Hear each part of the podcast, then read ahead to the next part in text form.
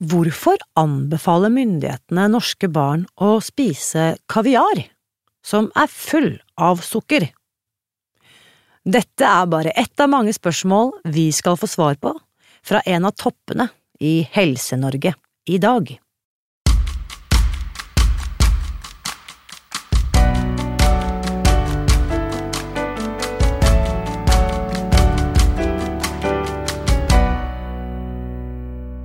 Dagens gjest er det vi kan kalle en toppbyråkrat i Helse-Norge.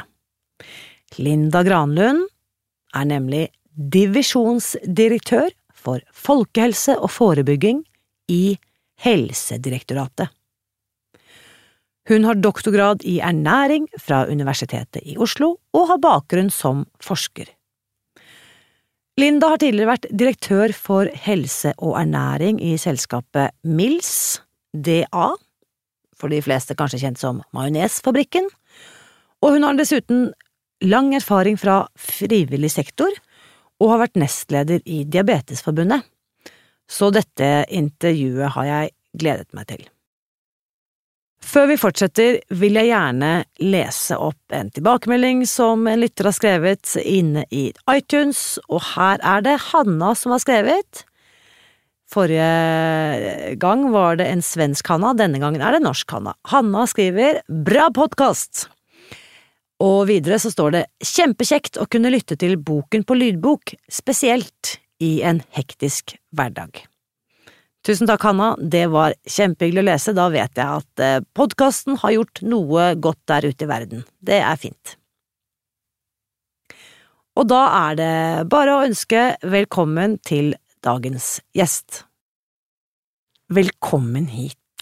Tusen takk. Linda Granlund, og jeg har gledet meg så veldig til at du skulle komme i dag, og jeg vet at du har en kjempetett pakket timeplan, så takk for at du ryddet tid til denne podkasten. Takk for at jeg fikk komme. Ja. Og det er litt ålreit for meg også å komme ut av Helsedirektoratet og komme til et annet sted og, og, sitte og være med på sånne samtaler som dette her. Fantastisk.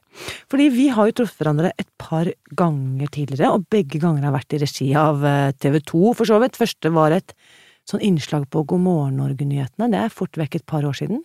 Ja, det er det. Jeg husker Ja, nei. ikke helt hva vi diskuterte Nei, da, men det var eh, helt ja, sikkert i forbindelse med eh, utgivelsen av Spis deg fri-boken som kom i 2017.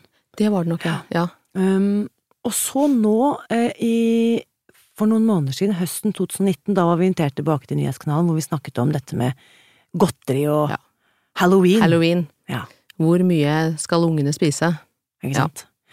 Og der er vi jo hjertens enige, at uh, akkurat hva de spiser på halloween er jo ikke så Vi skal ikke ta livslysten fra, fra folk på, på sånne dager. Ikke sant? Det er jo hverdagsmaten det er viktig å, å huske på. Nei, så jeg syns vi var ganske enige på Mm. Ja. det nyhetsinnslaget. Ja, ja. Vi ble kanskje litt kjedelige. Eh, I hvert fall hvis de hadde forventa seg en debatt, så Ja, hvis- var det ikke vi to som satt og debatterte. Nei, vi, så, vi sto liksom ikke og liksom rev håret ut på hverandre, vi gjorde ikke det. Nei. Og det er det som er så fantastisk, fordi når jeg snakker med Jeg er jo, som du vet, verken ernæringsfysiolog, sånn som du er, i aller høyeste grad. Jeg har ingen doktorgrad, jeg har ikke jobbet i eh, topp... eh, Jeg er ikke toppbyråkrat, politiker eller verken lege eller noen ting, men vi er jo mange, og det vet sikkert du veldig like godt som meg, at det er mange som har både interesse for helse, kost, eh, sunn livsstil, ikke sant? Ja. Dette er jo livsviktig, bokstavelig talt. ja, ja, ja, det er det. Og det er jo kjempeviktig at det er så mange som har interesse for det. Yes. yes. Og derfor er det sikkert veldig mange som har meninger om det arbeidet dere også gjør i Helsedirektoratet. Og fortell først litt sånn, hvis vi zoomer helt ut, Ja. hva er det Helsedirektoratet driver med? Hva er hva, Du er jo divisjonsdirektør Ja. for folkehelse og forebygging, men, for- ja. men hva, er, hva er det egentlig Helsedirektoratet Hva er det mandatet til Helsedirektoratet? Nei, vi skal jo, eh, vi skal jo på mange, eh, på mange områder jobbe for, for god helse, gode liv. Det er jo det som er eh, visjonen vår.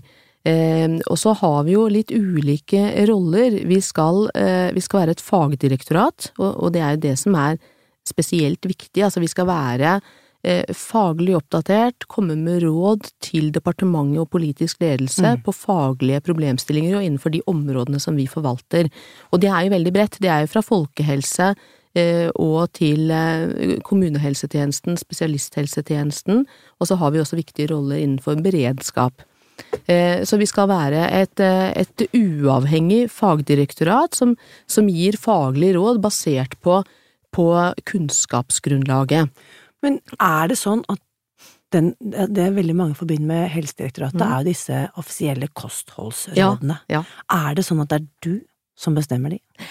Nei, det er ikke jeg som bestemmer de aleine. Men hvis jeg bare kan si litt til, for jeg, jeg sa at vi hadde en fagrolle, ja, og så har vi jo en, eh, noen andre roller òg, og det er spesielt viktig da å huske på at det, vi er et fagdirektorat, men vi er også de som eh, iverksetter vedtatt politikk. Sånn at, eh, sant, vi er jo da Eh, direktoratet underlagt Helse- og omsorgsdepartementet, sånn at eh, den måten vi jobber på er jo å komme med, med faglige råd, men så når noe da er vedtatt politisk, om vi er enig eller uenig, eh, så er det jo vår jobb da å sette dette ut i livet, yes. ikke sant. Og det, de to rollene er det litt viktig å, å, å huske på, for det, det, er jo av og til at vi da jobber med ting som, som kanskje dere andre sier at ja, men er, er, dere enig i dette? Nei, men da har mm. vi spilt inn våre innspill i den fasen før det tas yes. disse politiske beslutningene, og så, dersom det vedtas noe annet, så må vi forholde oss til det.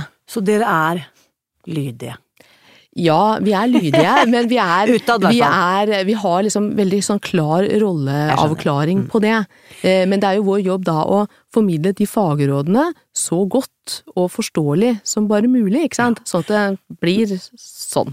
Men er det da, ikke sant, med det som har skjedd hittil i år, på, ikke sant, og mye kan jo skje før denne podkasten blir sendt, fra dette blir tatt opp, men med liksom, hva skal vi si, turbulens på eh, toppnivå i, eh, i Myndighets-Norge, altså merker dere det? At det er forskjell på hva en rød-grønn regjering på en måte vil legge vekt på i kostråd eller i, i forebyggende helse, enn for eksempel en blå-blå regjering?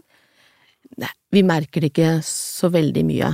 Og, og, spesielt innenfor folkehelseområdet så er det jo ikke så stor uenighet.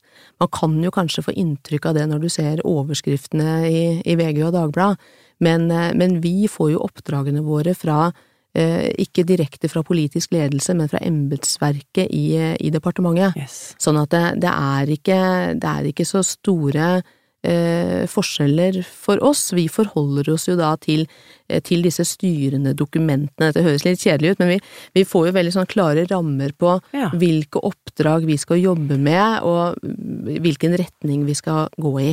Men for å kaste inn en som på en måte vi vet hvor politiske partier stiller seg ganske klart, da. Sukkeravgiften, mm. ikke sant? Det er jo egentlig, apropos denne podkasten og rollen din og ja. det jeg fremsnakker, ikke sant? det må jo føre til at dette mandatet endres. Og, og sukkeravgiften, det var, jo en, eh, det var jo en politisk eh, beslutning som ikke eh, Vi som fagdirektorat var jo ikke involvert i det, men vi må jo forholde oss til det, ikke sant. Ja. Sånn at Men, men så veit man jo, man kan si mye om, om, om sukker, sukkeravgiftene og den, og den, prosessen der, og det har jo vært diskutert i, i veldig mange møter, og også yes. i den NOU-en som har blitt, eh, som har blitt eh, jobba fram eh, i etterkant. Mm. Men, men, vi veit jo fra, fra Verdens helseorganisasjon at de peker jo på at pris og tilgjengelighet, det er to veldig yes. viktige ting å huske på når det gjelder eh, både inntak og ja, hva, hva, vi foretar oss, ikke sant. Yep. Sånn at eh, prisen har jo noe å si. Og der, ikke sant, nå eh, for en uke siden så intervjuet jeg en eh, amerikansk, eh, hva skal vi kalle han, sukkercoach. Han har hjulpet liksom tusenvis av amerikanere med å ja. gå off sugar. Og det eh, Underveis i intervjuet, han satt jo selvfølgelig da i USA og var med på link her, da, og da sa han jo at eh, gjennomsnittsamerikaneren nå var oppe i 150 pounds ja. med sukker. Wow. Altså, det er helt så vilt at det er nesten ikke til å forstå. Ja. Vi var nede på Jeg regnet om at det måtte tilsvare mange hundre gram sukker hver dag. Og da vil kan jeg det stemme? Ja, kan det stemme, tenkte jeg på. Men så sa han, da har de regnet med alt, ikke sant, som finnes av eh, tilsatt sukker og alle ja, Det høres nesten litt rart ut. Det høres, men, ja. høres helt ja, ja, uforståelig ut. Uh, og det som vi da Det han da googlet seg frem til, var at det norske sukkerinntaket mm. hadde blitt redusert fra Nå tar jeg disse tallene litt på husken, men det var fra 46 pounds, altså la oss si noen og 20 kilo i året, og nærmest halvert. Mm. Det er jo fantastisk. Ja. Og jeg har ikke, jeg har ikke regna om dette til pounds, så det, jeg klarer ikke å Nei, de relatere er det til det sånn, eh, sånn over bordet. Men, men det vi har eh, prøvd å, å få oppmerksomheten på i det siste, er jo denne, denne sukkerreduksjonen. Og, og eh, et tall da, vi ser at det, i løpet av de siste ti årene, Mm. så har sukkerforbruket gått ned med 27% og det er innmari bra. Men vi har, vi har jo fortsatt, altså vi bør komme ytterligere ned, vi skal aldri si at vi er i mål, men, men det er kjempefint. Hvor mye, hvor mange kilo er vi på da? Per, Vet du hva, jeg husker ikke kiloene, de tallene har jeg ikke nå, men vi er på 11 energiprosent. Altså Ofte så snakker vi jo om hvor, hvor stor andel av kostholdet som skal utgjøres av de ulike Ja, tingene, ikke ja. sant. Og jeg, jeg veit jo at vi spiser jo ikke energiprosent, men det er på en måte en sånn litt sånn grei måte å si det på. Og så har vi satt som mål at eh, Eh, sukker bør ikke utgjøre mer enn 10 energiprosent. Men så har det jo vært ganske høyt tidligere, det var jo på, oppe på 17. Nettopp, det er jo ja. fantastisk. Og da tenker jeg mange har gjort noe riktig. Ja. Eh, og Helsedirektoratet også, ja. og politikerne. Og da la meg bare, for nå måtte jeg google, jeg mm. er jo liker jo ikke å fare med usannheter. Google sier at Barry har rett. 152 wow. pounds. The average American consumes almost 152 pounds of sugar in one year. Og så måtte jeg google, hva tilsvarer det? 68 2,9 kilo! Ja. Tenk deg til! Det, ja. Og så sier Barry, mm. og dette var jo ikke jeg klar over, eh, at til og med saltet mm. i USA er tilsatt sukker. Ja. Er saltet tilsatt sukker? Ja. Bordsaltet er tilsatt sukker. Ja, men de har en jobb å gjøre. Ja, ja. og det jeg da kommer til, ikke sant. Mm. Um, og her er det så mange spørsmål. Ja. Så um, la oss snakke vi skal, vi skal komme tilbake til dette med sukker om litt. Men la meg da spole litt tilbake til det Ja. vi snakket om rett før, nemlig myndighetsnivå, politikere, mange hensyn å ta. Jeg tok med meg denne fine boken. Ja. Den heter Hverdagsmat. Utgitt av Statens ernæringsråd, og det var det som på en måte Helsedirektoratet het.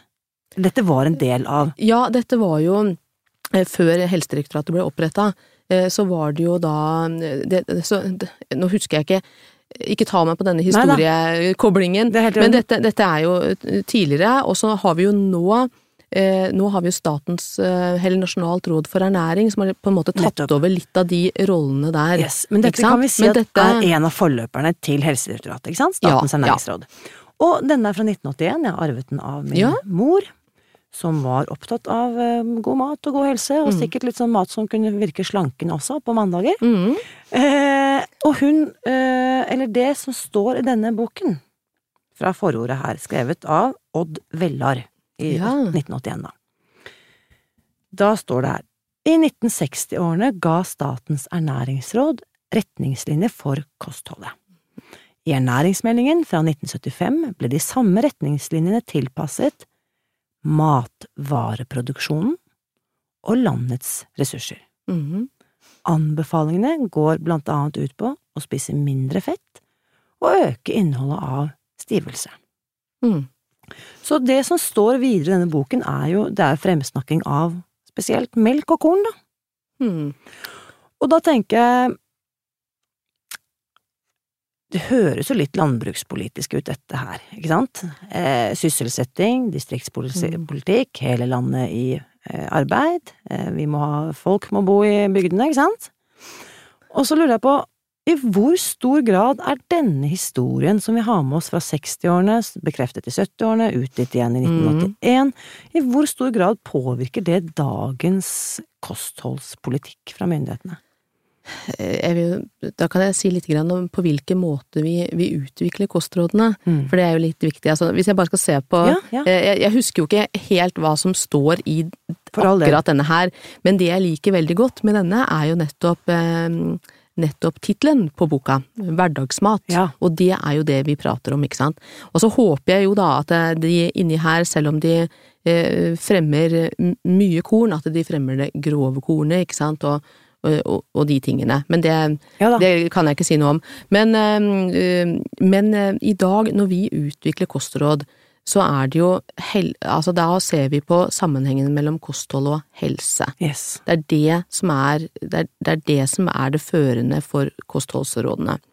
Og da ser man, eh, og det er jo ofte noe jeg pleier å, å diskutere også når jeg blir oppringt av journalister, for at de vil ofte ha, ha en uttalelse i forhold til én ny studie som har kommet, ikke sant. Hvorfor ja. endrer ikke vi på de kostrådene vi har, det har jo kommet én ny studie.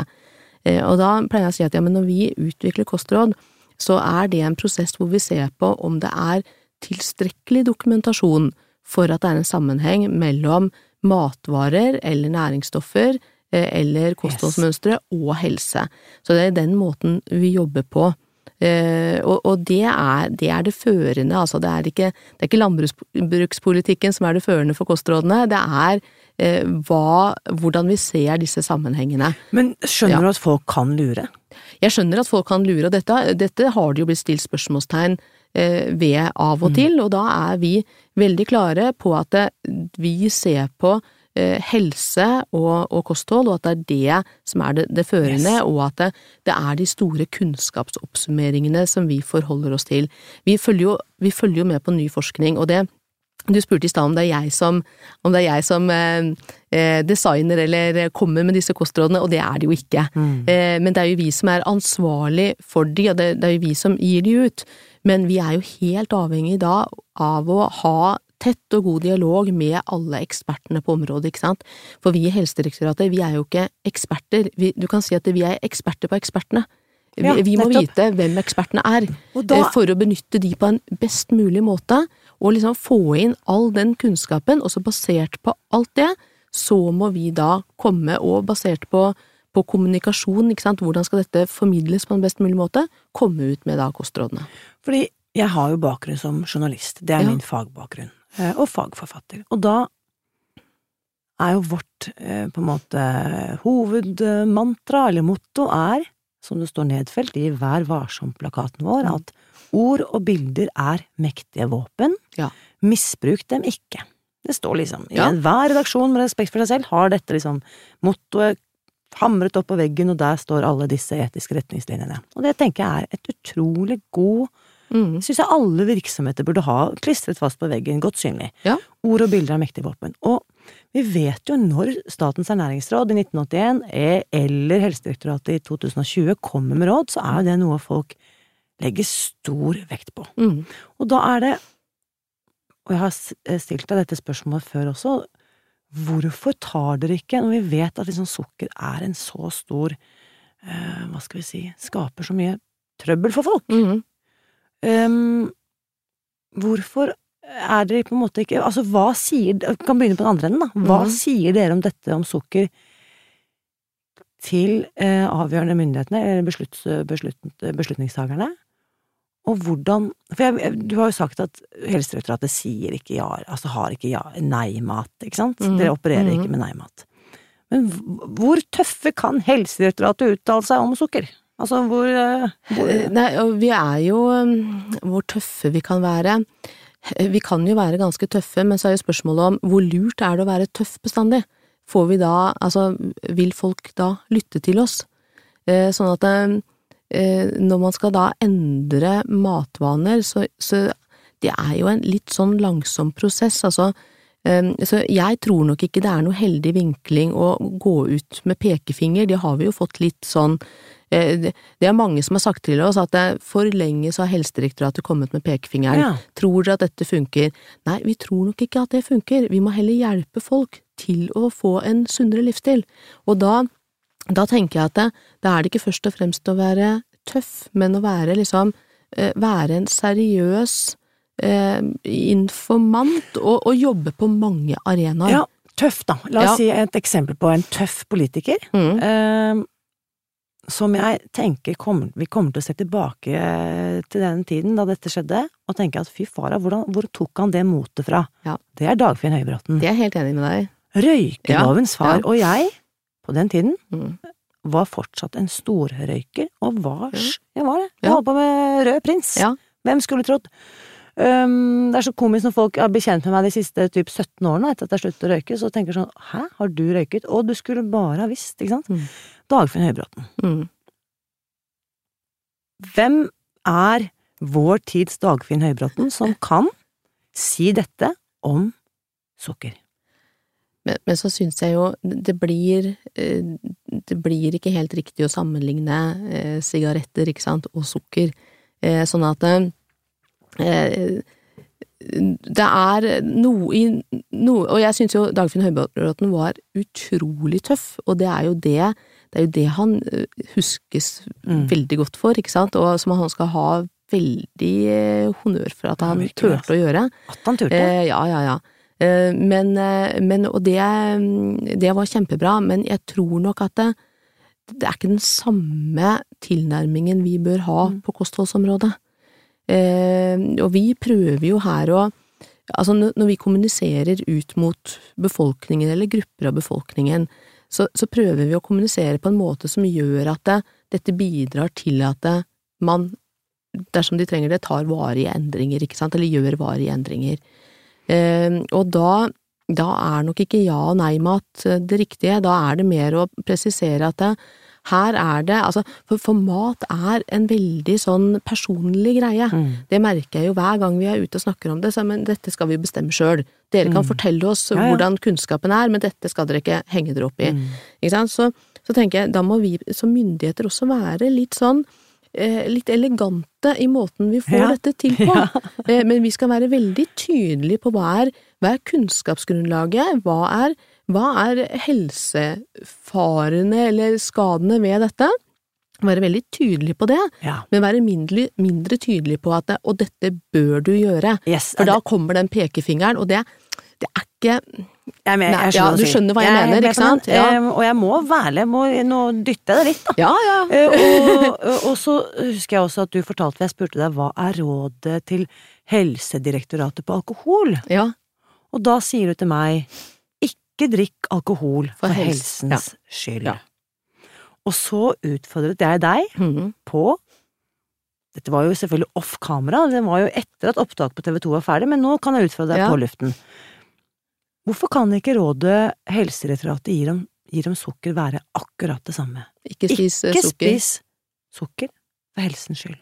Jo, vi, og det, det kan vi jo eh, Det kan det jo være.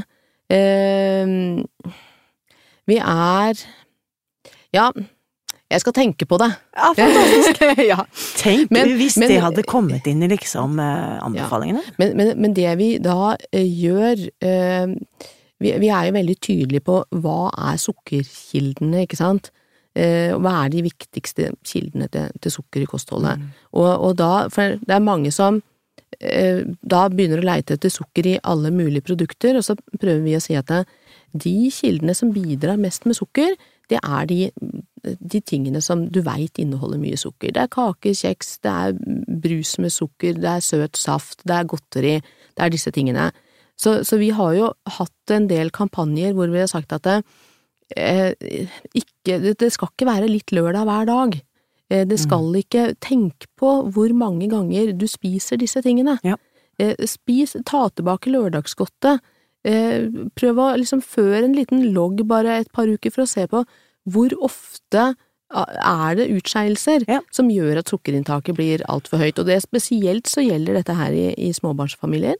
Absolutt. Fordi at vi hadde jo hadde en konkret kampanje som het Litt lørdag hele uka, hvor vi sier at Husk på at man, man, kjøper kanskje inn godteriet på fredag, ikke sant, når man er ute og handler, så spiser man litt av det.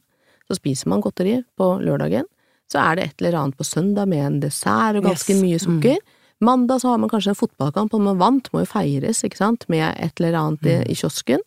Så er man kanskje på kino på tirsdag, altså, ikke sant, det baller på seg. Mm. Det blir så mange sånne anledninger, så vi har jo vært veldig tydelige ute og sagt, tenk litt på hvor ja. mange ganger, og der igjen, ikke sant, tilgjengelighet, altså antall ganger man da eh, eksponeres for det og spiser det.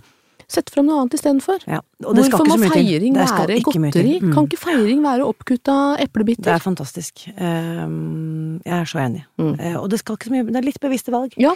Um, vi må bare litt innom deg også, Linda. fordi at sant, du har jo denne fagbakgrunnen din, og du har stillingen din, men du har mm. også egentlig en veldig viktig personlig historie knyttet til betydningen av kost og riktig ernæring ja. i ditt eget liv, i din egen det, kropp. Ja, ja, Kan du ikke fortelle litt grann om det, hvis det er ok for deg? Ja, det er helt greit. Jeg har type 1-diabetes, og fikk det da jeg var åtte år, så det, det begynner jo Jeg begynner jo å bli en eldre dame, så det begynner å bli en, en stund siden. Hvor gammel er du egentlig? Kan jeg spørre Eh, deg? 45. Nettopp. Ja, ja. Par år eldre enn meg, Ja. altså. Ja. Så, så jeg har jo eh, jeg, jeg husker ikke så mye av den tida før Nei. jeg fikk diabetes. Og for de som ikke kjenner til Vi har hørt mye sant, om Mm. diabetes type 2, som er liksom dette som man kan kalle type livsstils... eh, Ja, er eh, er- livsstilssykdom. Ja.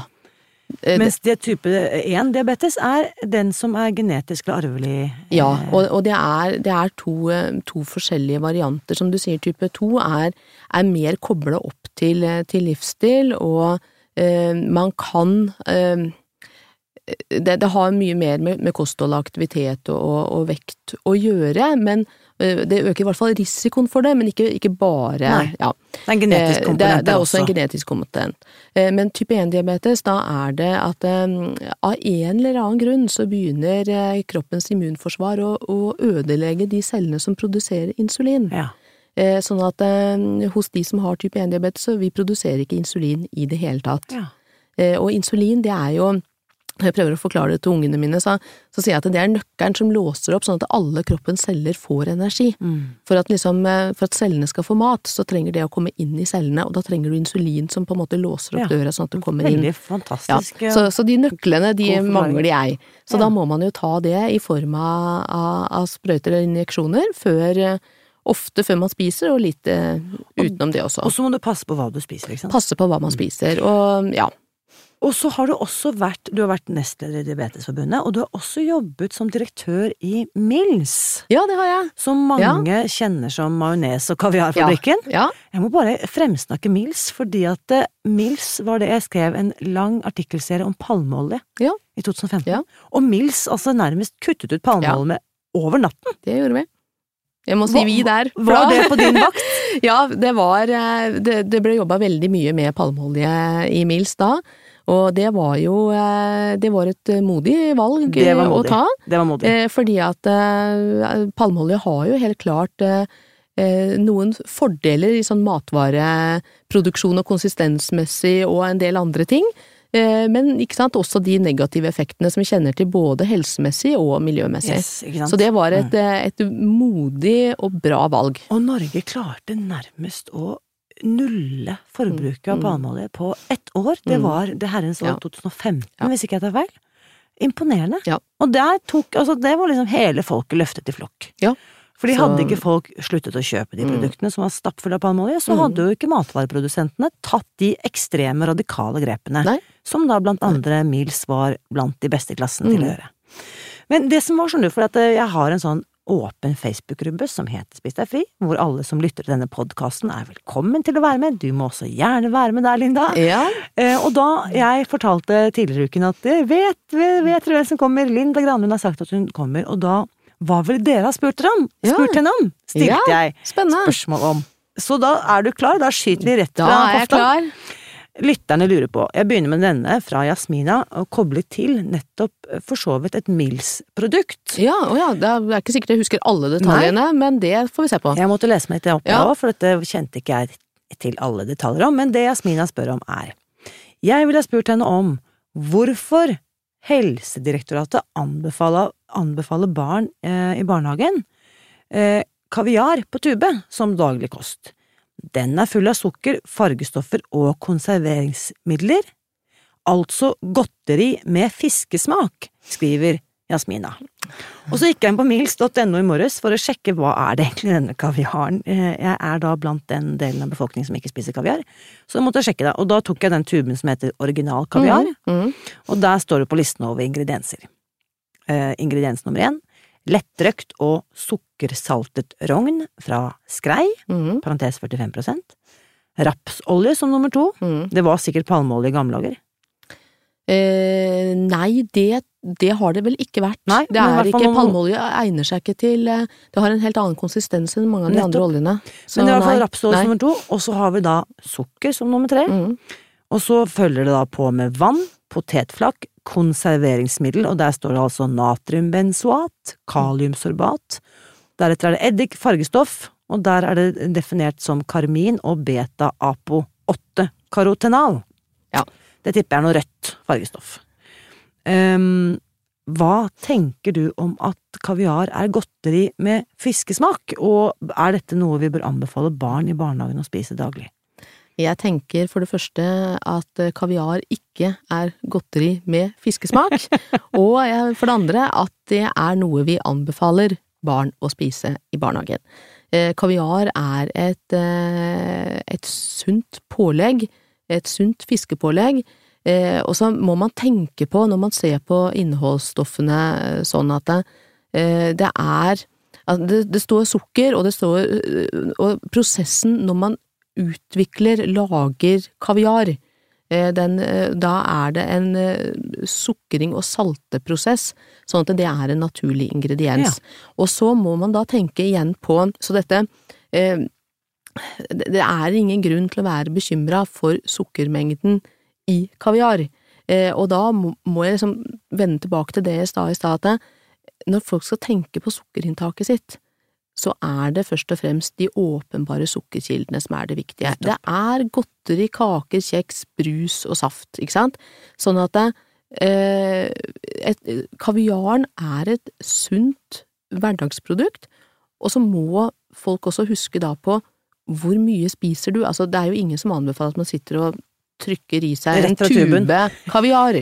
Det ville, det ville både vært litt rart, og det ville sikkert ikke vært så smart. Og, og, og, Men det er jo, ikke sant, grov brødskive med kaviar ja, er noe vi anbefaler. Den er god. Og så er det Kjersti som spør Ja. om følgende. Hun kaller seg Robert Lustig-fan. Jeg vet ikke om du kjenner til han? Nei, Kjent amerikansk eh, professor som har eh, studert dette mye. Uh, uansett, google him. ingen bjeller akkurat Nei. nå, men det, ja. Han ehm, Dette er basert noe da på det han skriver, da. Ja. Og Kjersti spør.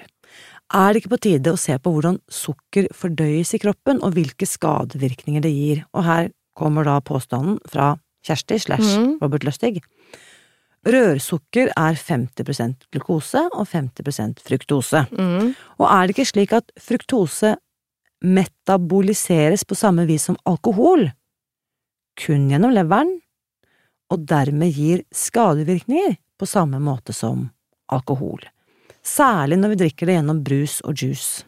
Det finnes altså fagfolk som sier at sukker er alkohol uten bøssen.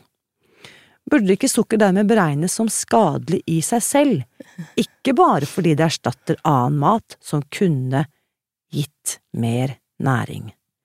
Veldig komplisert spørsmål, Ja, Kjersti, men? Nå bare, nå prøvde jeg å skanne gjennom hodet mitt eh, etter alle de biokjemiske eh, rekkene. Jeg, jeg klarer ikke å ta det, Det på direkten nå. den tar vi. Men det jeg bare kan Men jeg, jeg vet jeg har jo lært dette her, og jeg burde jo sikkert Altså, man burde jo huske alt man har lært, men det gjør vi jo ikke, ikke sant? Eh, Men, eh, men jeg, jeg, jeg, jeg kan i hvert fall si at eh, vi, vi kan ikke vi, vi kan ikke betrakte sukker som skadelig Nei. i seg selv. Men det vi er veldig tydelige på å si, ikke sant, er jo at sukker skal ikke utgjøre en stor del av kostholdet, og vi er også veldig tydelige på å si at eh, rent sukker, det bidrar jo ikke med noe annet enn tomme kalorier. Nettopp. Ikke sant? Sånn at det, spesielt overfor for barn, så sier vi at små barn og, øh, som er i utvikling, de trenger jo viktige næringsstoffer både for å vokse og utvikle seg, og for å lære på skolen. Yes. Så kostholdet deres kan jo ikke bli fylt opp av for mye sukker, for da, da får de ikke Da får ikke kosten plass til alle Nettopp. disse matvarene med næringsstoffer. Denne næringsprosenten du snakket om Ja. innledningsvis. Ja. Så, ikke sant? Ja. Eh, Hva, hva, hva, hva er det vi sikter oss inn mot? Ikke mer enn 10 Nei, vi, vi sier at det er maksimalt eh, 10 Greit. Men, men det betyr ikke at vi skal fylle opp til 10 Nettopp. Og det er noen land som også begynner å se på bør det ikke være ned mot 5 Nettopp. Ikke sant? Så der er jo diskusjonen. Men det er, det er viktig her også å si at det, nå er det jo en prosess for å se på å revidere de nordiske næringsstoffanbefalingene. NNR kalles det litt på sånn stammespråket. Eh, Det er en, noe som gås gjennom ja, med, med ganske, en del års mellomrom, men da er det alle de nordiske landene som, ha, som utvikler en, en felles eh, et, et felles dokument Nettopp. som igjen danner grunnlaget for kostrådene i alle landene. Så nå er det en prosess, og denne gangen så er det Norge som leder det arbeidet, så det ledes for oss i Helsedirektoratet. Og det er en nettside hvor man kan gå inn da og se, og man har også kan, har kunnet, og jeg tror fortsatt det er åpent for å komme med innspill til prosessen. Vi er veldig opptatt av at denne revideringen skal være en veldig åpen og transparent prosess. Sånn at man skal ikke få inntrykk av at det er noen skjulte ting som foregår, og så jeg oppfordrer til å ta en titt på eh, nordiske ernæringsanbefalinger, og se på som, eh, hvilken prosess som er der framover. Nå vet jeg at vi må runde av, for du har et tett program, du må videre, men da lurer jeg egentlig bare på, når er det de anbefalingene vil ligge klare? De skal være ferdig, arbeidet er starta opp nå, og de skal være ferdig i 2022, er det vel? Eh, men her er det da eh, Det er mange grupper, så vi jobber nå med å knytte til oss eksperter fra alle de nordiske landene, og andre eksperter, for å se på ulike fag, fagområder. Er det sånn at du leder hele dette arbeidet? Eller? Nei, altså vi har Det er eh, som, som, jeg har sagt, vi er jo eksperter på ekspertene. Så vi har da Vi har alliert oss med Rune Blomhoff, professor på Ernæringsinstituttet, så han leder arbeidet. Eh, og leder hele dette nordiske arbeidet. Og så er det jo da i regi av Nordisk ministerråd.